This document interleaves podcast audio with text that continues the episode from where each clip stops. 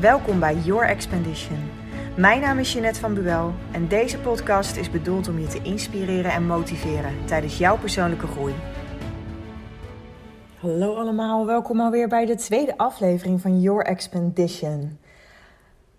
Vandaag is het een aflevering waarin ik wat meer over mezelf deel. Mijn naam is Jeanette van Buel en ik ben Your Expedition gestart omdat ik op een bepaald punt in mijn leven op een expedition ben gegaan. Nou, het woord expedition bestaat helemaal niet. Ik heb hem zelf verzonnen. En het is een uh, samenvoeging van twee woorden: expedition en expansion. Ik ben op een reis gegaan in mezelf, omdat ik merkte dat ik tegen blokkades aanliep.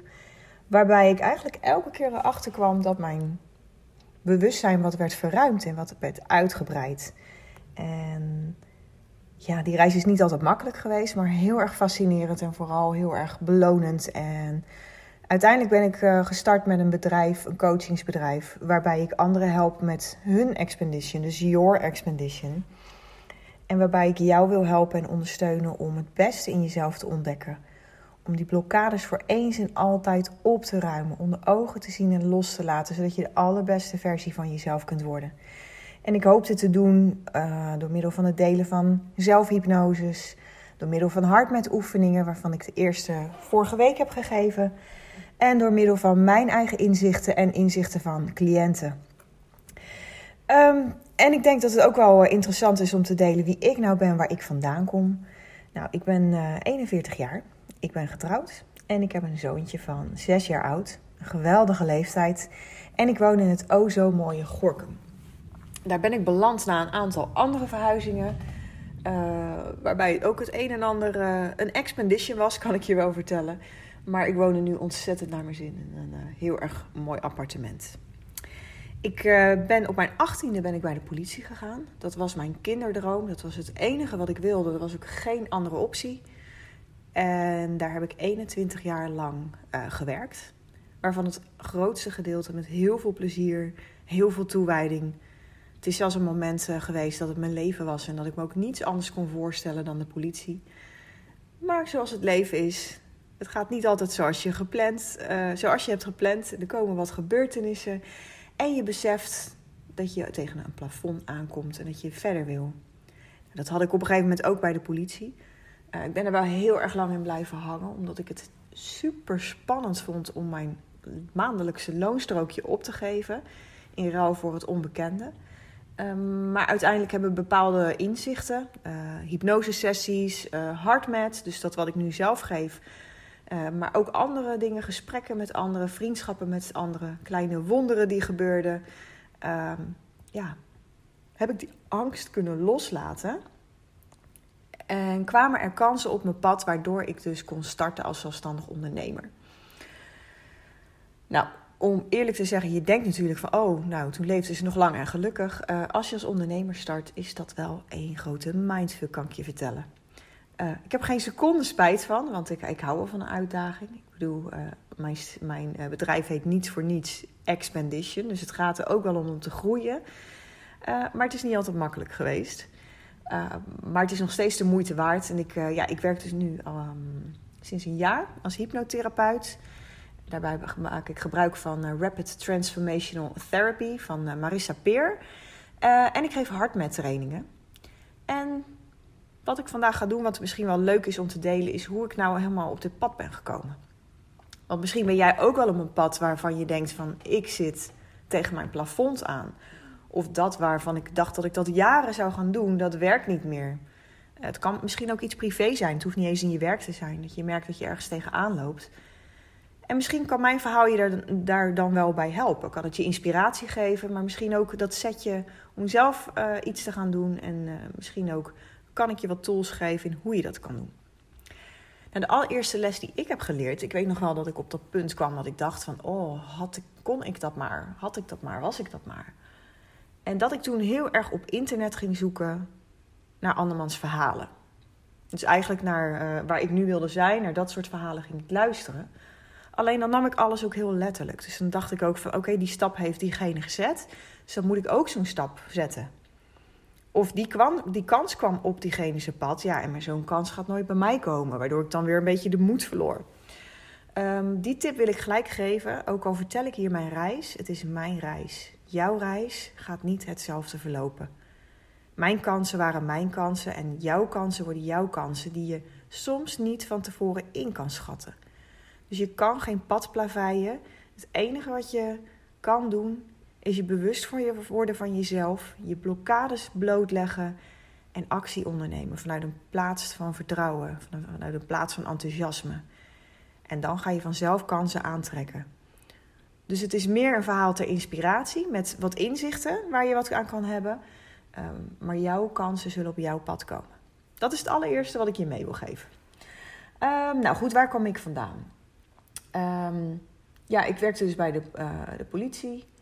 En ontzettend leuk. Hele gave dingen meegemaakt.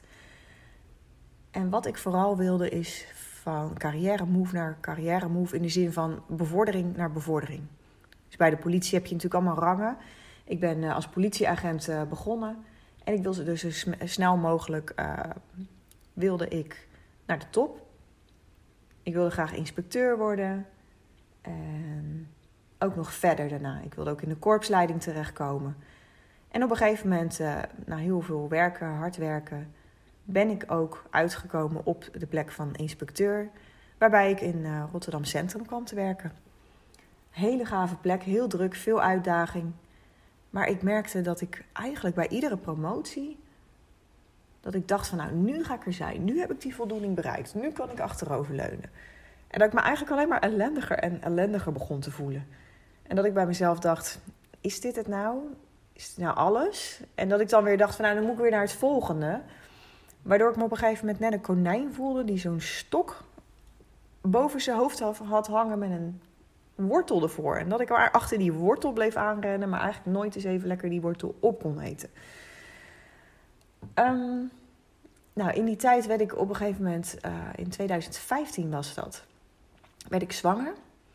En nou, dit, dit verhaal gaat even iets andere kant op dan de politie. Ik zag nogal op tegen mijn bevalling ik dacht, oh mijn god, ik, heb, ik ben bij de bevalling van mijn zusje geweest. Dat, uh, ja, dat was niet, geen pretje, zeg maar, voor haar. En ook niet uh, om, uh, om aan te zien. En toen dacht ik van, ja, maar dat wil ik niet. Ik wil niet dat dat bij mij zo gaat. Dus ik ben eigenlijk uit wanhoop gaan googlen op pijnloze bevallingen. Bijna als een grapje, omdat ik dacht van, ja, pijnloos en bevalling, die twee woorden gaan niet samen. En toen kwam ik dus op een website over hypnobirthing terecht. Onder hypnose bevallen. Nou, bij dat woord hypnose dacht ik bij mezelf: hmm, hypnose, Rasta Rostelli. Voor degenen die rond 1980 geboren zijn, zoals ik, die kennen Rasta Rostelli wel. Dat was iemand die uh, op tv een show gaf. Niet alleen op tv, ik heb hem ook al eens op een camping gezien. Dan uh, riep hij mensen op het podium, die bracht hij onder hypnose. En die kon hij dan laten kakelen als een kip. Of die kon hij laten geloven dat ze een aanhangwagen waren, ik zeg maar wat. Maar die, hij kon ze de gekste dingen laten doen. Ja, heel vermakelijk voor een avondje, maar het is nou niet dat je denkt: oh, hypnose leuk, dat wil ik zelf nou eens doen. Want het is nogal een controle dingetje als jij op een podium als een kip staat te kakelen. Ik bedoel, ik weet niet hoe het met jou zit, maar ik geef niet graag die controle op. Maar goed, de nood was hoog. Ik wilde dolgraag pijnloos bevallen. Dus uh, als de nood hoog is, dan vind je het de moeite waard om te onderzoeken. En dat ging ik ook doen. Um, ik ben gaan lezen erover. En ik kwam ook tot de ontdekking dat hypnose dat die verschillende vormen heeft. En dat wat eh, Rasta Rostelli gebruikte bij het podium, dat uh, komt wel op hetzelfde neer. Het gaat om de kracht van suggestie, maar dat is een entertainment hypnose. En die hypnose die je gebruikt in therapie en bij hypnobirthing, dat is een vorm van ontspanning. Nou, een lang verhaal kort maken, of korter, laat ik het zo zeggen. Um, ik ben die, die opleiding gaan volgen, of die cursus, een hypnobirthing cursus. En je krijgt daarbij een audio-opname mee, waarbij je jezelf suggesties neemt dat een bevalling prettig is, uh, dat de bevalling verloopt zoals jij het wil. En wat is nou de gedachte erachter? Nou, het heeft dus alles te maken met de kracht van suggestie. Want wij allemaal, stuk voor stuk, krijgen in ons leven, ons hele leven lang, suggesties mee. Als kind word je geboren, je bent een spons en je zuigt alles op wat je meemaakt in je omgeving. De meningen van anderen, uitspraken van anderen, gebeurtenissen. En die ga je allemaal labelen, maar ook suggesties van anderen. Nou, als je kijkt naar bevallingen en zwangerschappen, of hè, met name bevallingen, dan krijgen wij vrij vaak de suggestie mee dat een bevalling pijnlijk is.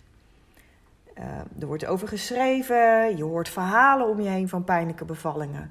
Maar zelfs als je naar een film kijkt en daar wordt een bevalling in scène gezet, dan wordt daarbij geschreeuwd. Hè? Ook al is het een comedy, zelfs in de grappigste films wordt een bevalling neergezet als een vrouw die aan het krijsen is, nat is van het zweet en de man de kamer uitschopt omdat hij degene is die het veroorzaakt heeft.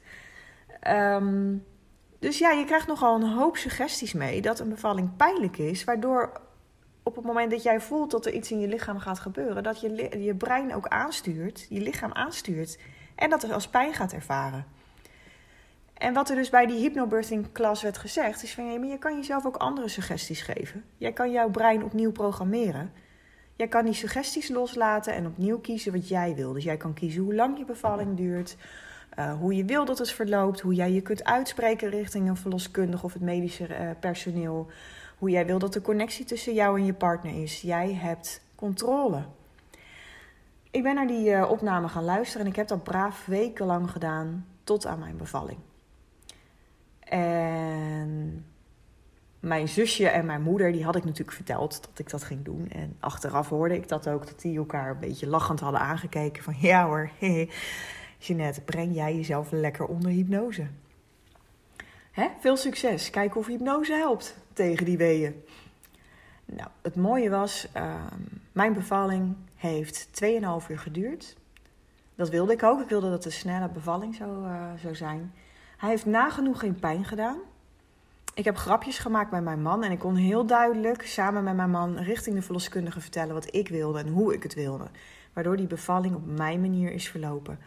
Echt waar, ik, uh, ja, ik verzin het niet. Ik heb geen paracetamolletje gehad, geen ruggenprik, geen infuus, niets. Ik heb wel sensaties gevoeld in mijn buik. Ik heb de persweeën gevoeld. Er zat een kracht achter. Dat klopt, maar het deed nagenoeg geen zeer.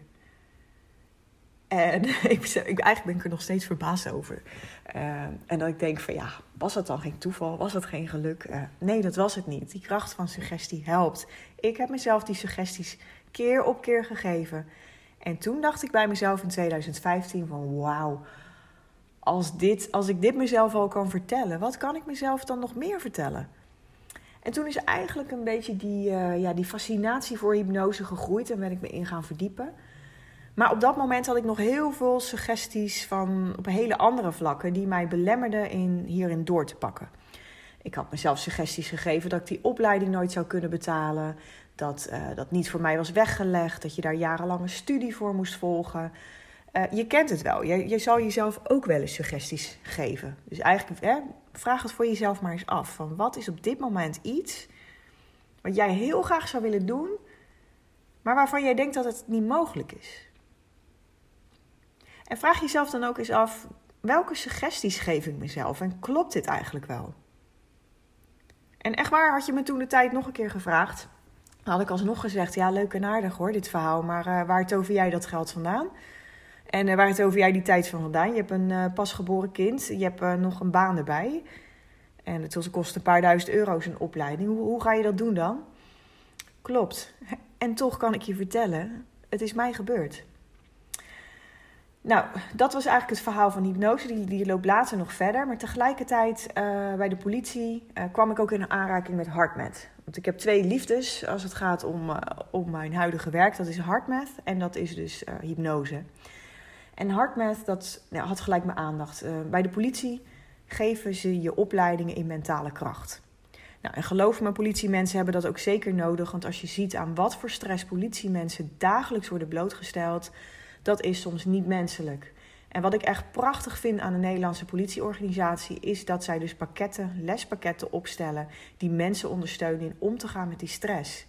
Om beter om te gaan met stress, om jezelf beter te leren kennen. En toen ik over HeartMath hoorde, toen stond ik gewoon echt versteld over uh, ja, wat het met je kon doen. Um, ik, ik ga daar nog eens een keer een aparte aflevering over maken. Om echt de diepte in te gaan wat het echt doet. Waar ik achter kwam is dat je op een praktische, meetbare manier jezelf en je lichaam kon resetten.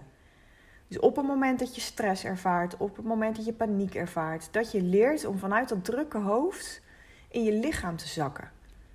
En ik leerde ook daardoor letterlijk om meer naar mijn hart te luisteren.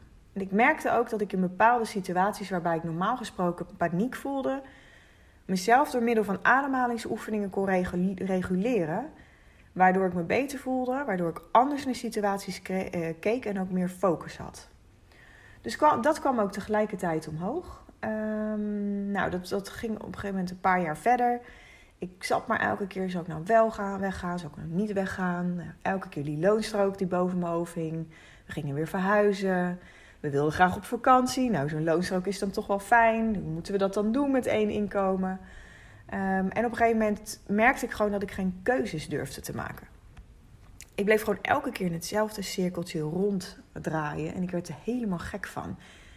En ik voelde ook dat er ergens een blokkade zat, maar ik kon gewoon mijn vinger er niet op leggen waar nou die blokkade zat. Wat ik toen heb gedaan is, ik heb een, uh, een hypnosesessie geboekt, maar dat is een, uh, een RTT-sessie. Dus de, de, de, variant die ik uh, nu ook geef. RTT staat voor Rapid Transformational Therapy. En dat is, uh, ja, ga, daarbij ga je onder hypnose. En dan ga je naar drie scènes terug in je vroege jeugd. Waarbij jij suggesties hebt gekregen die te maken hebben met jouw huidige situatie zoals je bent. Dus wat ik ging doen, ik heb dus een hypnosesessie geboekt. En niet nu voor de bevalling, want nou ja, goed, dat was al achter de rug. Ik heb een hypnosesessie geboekt omdat ik geen keuzes durfde te maken en maar in rondjes bleef draaien. Dus die therapeut die nam mij ook mee naar een scène, een plaats, een tijd en een gebeurtenis waarin het is ontstaan dat ik geen keuzes durfde te maken. Want dat is ook belangrijk om te weten. RTT gaat ook 99 van de 100 keer terug naar scènes die zijn ontstaan tussen je geboorte en 15 jaar oud. Het gebeurt ook als dat mensen ouder zijn. Maar vaak gebeurt het op jonge leeftijd, want dan ben je echt nog een printplaatje. Je wordt echt helemaal gevormd. Je bent een spons, je zuigt alles in je op. En al die suggesties krijgen een plekje in jouw onderbewuste. En je gaat onbewust leven naar die suggesties. Nou, en heel vaak zijn er gelukkig suggesties die heel goed voor jezelf zijn. Dus als jij een fijne jeugd hebt en je wordt aangemoedigd, je wordt gesteund, dan krijg je suggesties waardoor je zelfvertrouwen krijgt. Maar goed, veel van ons hebben niet altijd een hele fijne jeugd gehad. Of hebben misschien wel een fijne jeugd gehad, maar zijn er bepaalde dingen gebeurd waarin ze dingen zijn gaan geloven. En die geloof, uh, de dingen die ze zijn gaan geloven, dat zijn overtuigingen geworden die ze tot op de dag van vandaag nog bij zich dragen. En weet je, dat is ook interessant om te weten, dat hoeven niet eens hele traumatische gebeurtenissen te zijn. Dat kunnen relatief eenvoudige, tussen aanhalingstekens, dingen zijn die zo'n impact hebben gemaakt dat dat de rest van je leven bij je is gebleven. En het kan ook zijn hoor. Ik heb ook cliënten die teruggaan naar een uh, traumatische gebeurtenis. Maar zelfs vaak zijn dat de dingen die nog een plek hebben gekregen. Maar vaak die, die onbeduidende dingen hebben zo'n impact gemaakt. Dat, uh, dat je ze weg hebt, hebt geduwd. Er, ik verder niet meer over na heb gedacht. Maar die onbewust zijn blijven hangen. Nou, naar die scènes ga je dus terug. Um, en dat heb ik dus ook gedaan. Ik ben, uh, ik ben teruggegaan naar drie scènes die te maken hebben met waarom ik geen keuzes durfde te maken. Um, ik ga daar nog een keer een aparte aflevering over maken, want dat is uh, ja, wat ik daar heb ontdekt over mezelf was echt mindblowing. Het waren ook drie, nou, ik moet zeggen, twee van de drie scènes waren relatief dat ik dacht onbeduidend. Dat ik zelfs dacht van, nou, wat, ik kan maar beter weer gewoon bij bewustzijn komen, want uh, deze herinnering kan het niet zijn. Um, maar die bleken echt van alles te maken hebben, te hebben met waarom ik geen keuzes durfde te maken. En dat is dus al bij mij op vierjarige leeftijd ontstaan. En later op achtjarige en tienjarige leeftijd of dertienjarige leeftijd weer teruggekomen. Omdat die patronen zich herhaalden. Waardoor ik zo bang was om gelukkig te zijn aan de ene kant en fouten te maken met keuzes aan de andere kant. Dat ik uh, onbewust geen keuzes durfde te maken als het om mijn werk ging. En wat ik al zei in een andere aflevering, zal ik er wat meer op de, in de diepte op ingaan. Zodat je echt een inzicht krijgt in wat, wat hypnose nou doet. En wat dat ontdekken van die patronen nou met je doet. Maar voor nu is het even goed om te weten dat ik het besefte en dat ik het los kon laten. Nou, dat voelde zo bevrijdend. Dat was zo. Zo'n wow-effect had die hypnose. dat er daarna dingen losschoten. Dat ik daarna veel makkelijker keuzes kon maken. Dat ik me bewust werd van veel meer patronen die me onbewust saboteerden, die, waardoor ik mezelf tegenhield. En doordat ik die keuzes durfde te maken, ik durfde ook dingen hardop uit te spreken. Van nou, ik kies ervoor dat ik uiteindelijk bij de politie wegga en dat ik als zelfstandig ondernemer ga beginnen. En alhoewel ik nog geen flauw idee had wat ik dan wel moest gaan doen, wist ik wel dat ik die keuze moest maken. En daardoor werd mijn focus ook uitgebreid. Dus hè, die expedition, die expansion, voelde ik ook in mijn bewustzijn. Ik kreeg meer oog voor andere mogelijkheden. Dus waar ik eerst heel beperkend dacht dat het niet mogelijk was, begon ik in mogelijkheden te zien. Waardoor er dus eigenlijk op een gegeven moment uh, op een aanbieding op mijn pad kwam, waardoor ik als trainer uh, kon gaan beginnen als zelfstandige. Dus in 2019, dus je hoort al, in 2018 heb ik die sessie gehad. Ik had nog echt wel een tijdje nodig om het een en ander te verwerken. En in 2019 kwam daar uiteindelijk een kans op mijn pad. Ik heb ontslag genomen en ik ben voor mezelf begonnen. En ik kon dus uh, mezelf zeg maar bedruipen door die trainingen te gaan geven. Dat waren trainingen aan de politieacademie. En um, de, de, garantie was dat ik twee jaar lang um, voldoende werk zou hebben om rond te kunnen komen. Toen dacht ik van perfect. Dus dan stap ik op, uh, over naar zelfstandig ondernemer. En dan kan ik dan eens gaan beslissen wat ik verder wil. Nou, zo gezegd, zo gedaan. Um, per uh, januari 2020 ben ik uh, weggegaan bij de politie. Um, heel lastig vond ik dat, want als je vanaf je achttiende bij de politie zit, dan is een groot deel van je identiteit ontleen je dan aan politievrouw zijn. Uh, dus dat was ook een heel fascinerend proces. Maar dat heb ik, uh, nou, ik heb die stap genomen en ik ging aan de slag bij de, bij de politieacademie. Dus ik had nog wel een soort van safety net. Totdat in maart corona kwam. De politieacademie werd gesloten en ik had geen werk en geen uitzicht, vooruitzicht op werk. En ik had ook geen buffer opgebouwd. En mijn man is, uh, die werkt nog steeds bij de politie. Die had wel een inkomen, maar het was niet voldoende om rond te komen. Niet om onze hypotheek te betalen, de auto, de kinderopvang uh, en de boodschappen en alles wat er nog bij hoort. Nou, ik kan je vertellen, dikke vette paniek. Ik heb gehuild, gegild, gedacht, nee, hoe kan dat nou? Jarenlang, vijf jaar lang zit ik aan te hikken en eindelijk durf ik die stap te nemen denk ik zekerheid te hebben. En ja hoor, corona. Wie verzint nou corona? Ik heb van elk scenario in mijn hoofd uitgedacht. Uh, corona hoorde daar niet bij. Nou, op een gegeven moment had ik zoiets van: Weet je, ik moet mezelf weer bij elkaar rapen. En daar heeft mijn mama heel erg bij geholpen. Die zegt me steun en toeverlaat. Die zei: Jeanette, ik hoor jou al jarenlang over hartmet praten. Waarom ga jij niet eindelijk die hartmet-opleiding volgen? Die politietrainingen is iets wat je als tussenoplossing hebt gekozen. Dat kan nu toch niet. Dus focus je nou nu op wat je wel wil. Gebruik die tijd. En in eerste instantie wuifde ik het weg. Ik zei: Hallo, we hebben geen buffer. Hoe moet ik dat doen? Die opleiding was 5000 euro. Hoe moet ik dat doen? Nou goed, ik had wel 5000 euro opzij gezet voor belastinggeld. Uh, want ja, je moet natuurlijk je eigen belasting opzij zetten als zelfstandig ondernemer. En ik dacht bij mezelf, nou weet je wat, ik gebruik het gewoon. En ik focus mezelf op het weer terugverdienen van dat geld door middel van de hardmettrainingen die ik ga geven. Um, dus ja, dankzij mijn man ben ik eigenlijk weer aan mijn hart met terug gaan denken. Uh, ben ik letterlijk weer naar mijn hart gegaan. Ik heb letterlijk naar mijn hart geluisterd. En ik heb de opleiding gevolgd. Ik vond het echt fantastisch. En tegelijkertijd kwam er uh, via Instagram uh, een mogelijkheid om een opleiding te gaan volgen tot hypnotherapeut.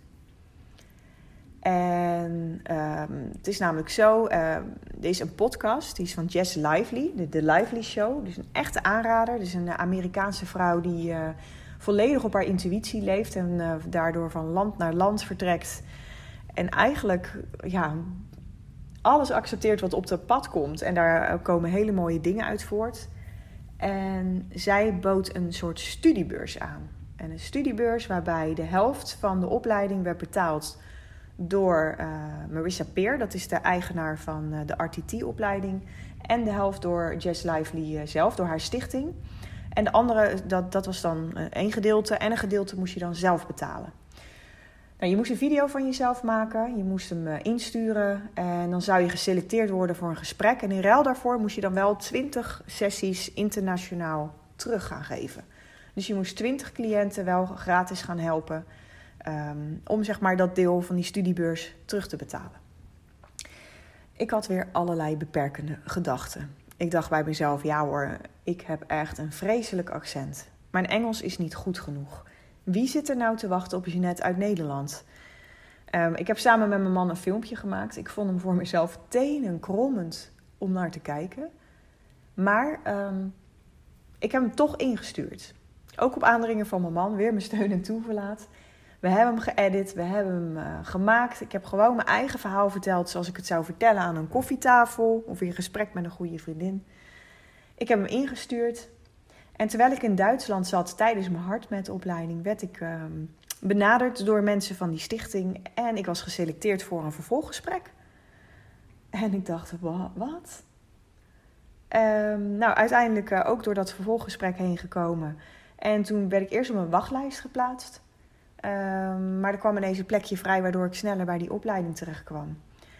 Uh, ik ben hem gaan volgen. Het is vorig jaar over september gebeurd. Ik dacht dat het me nooit zou lukken, dat ik het geld niet bij elkaar zou krijgen, dat ik de tijd niet zou hebben. En ik ben nu een jaar later en ik ben nu al een half jaar actief bezig als uh, hypnotherapeut. Mijn klantenbestand begint steeds meer te groeien. Ik heb ontzettend leuke resultaten geboekt. En ja, als je mij dit twee jaar geleden had verteld dat het zo zou lopen, had ik je keihard uitgelachen. Dat was niet het plan. Het plan was dat ik trainingen zou gaan geven en op mijn gemakje zou gaan sparen. En dat ik rond zou kijken en als ik geluk zou hebben, misschien nog hypnotherapeut zou worden. En het is me gewoon gelukt. Ik vertelde mezelf ook dat ik nooit ondernemer zou kunnen worden omdat ik niemand uit mijn, omgeving ken die ondernemer is. Dus dat ik vast uh, failliet zou gaan of uh, dat het me niet zou lukken, dat ik geen klussen zou krijgen. Is helemaal niet waar. Al die dingen zijn allemaal belemmerende overtuigingen die ik mezelf heb aangepraat. Bewust en onbewust. Um, ja, en dat is eigenlijk in een notendop mijn verhaal van hoe ik van politievrouw ben omgeturnd naar hypnotherapeut en hartmetcoach. Um, eigenlijk combineer ik die dingen nu ook samen. Ik merk dat ze heel goed samen gaan. Um, ik werk ook heel veel met de intuïtie. Ik luister ook veel meer naar mijn intuïtie. En ik wil jou ook vertellen van luister, als jij met iets rondloopt waarvan je al jaren denkt, oh dat zou ik zo leuk vinden, ga ervoor. Durf die keuze te nemen. Ga op zoek naar je belemmerende overtuigingen. Word je er bewust van. Schrijf ze op. Durf ze op de proef te stellen, want het zijn de verhalen die je aan jezelf vertelt. En weet je, je kan er niks aan doen. Het gebeurt ons allemaal. Ze zijn zo sterk, je neemt ze mee in je onderbewust als kind zijn en je draagt ze met je mee. Maar durf ze aan te pakken en durf ze ook los te laten. Durf voor iets nieuws te kiezen. Dat is mijn boodschap voor vandaag. Ik, uh, ik hoop dat je het leuk vond om naar mijn verhaal te uh, luisteren, naar mijn reis. Ik vond het in ieder geval heel erg leuk om te delen. Um, als je meer wil weten, stel er gerust vragen over. Uh, ik hoop ook dat, je, dat het je heeft geïnspireerd om, om zelf die stap te nemen, om zelf naar iets op zoek te gaan wat je nog niet durfde. En als je meer over me wil weten, kun je kijken op mijn website. Ik, uh, mijn website heet www.yourexpedition.com. Dus expedition is een samenvoegsel van expedition en expansion, dus expedition. Uh, je kunt me ook volgen op Insta Instagram, Jeanette van Buwel. Of uh, op Facebook, je kunt me gewoon googlen en dan zie je vanzelf al die sociale kanalen voorbij komen. Ik zou het in ieder geval hartstikke leuk vinden als je een reactie achterlaat. Ik wens je nog een hele fijne dag en tot snel weer.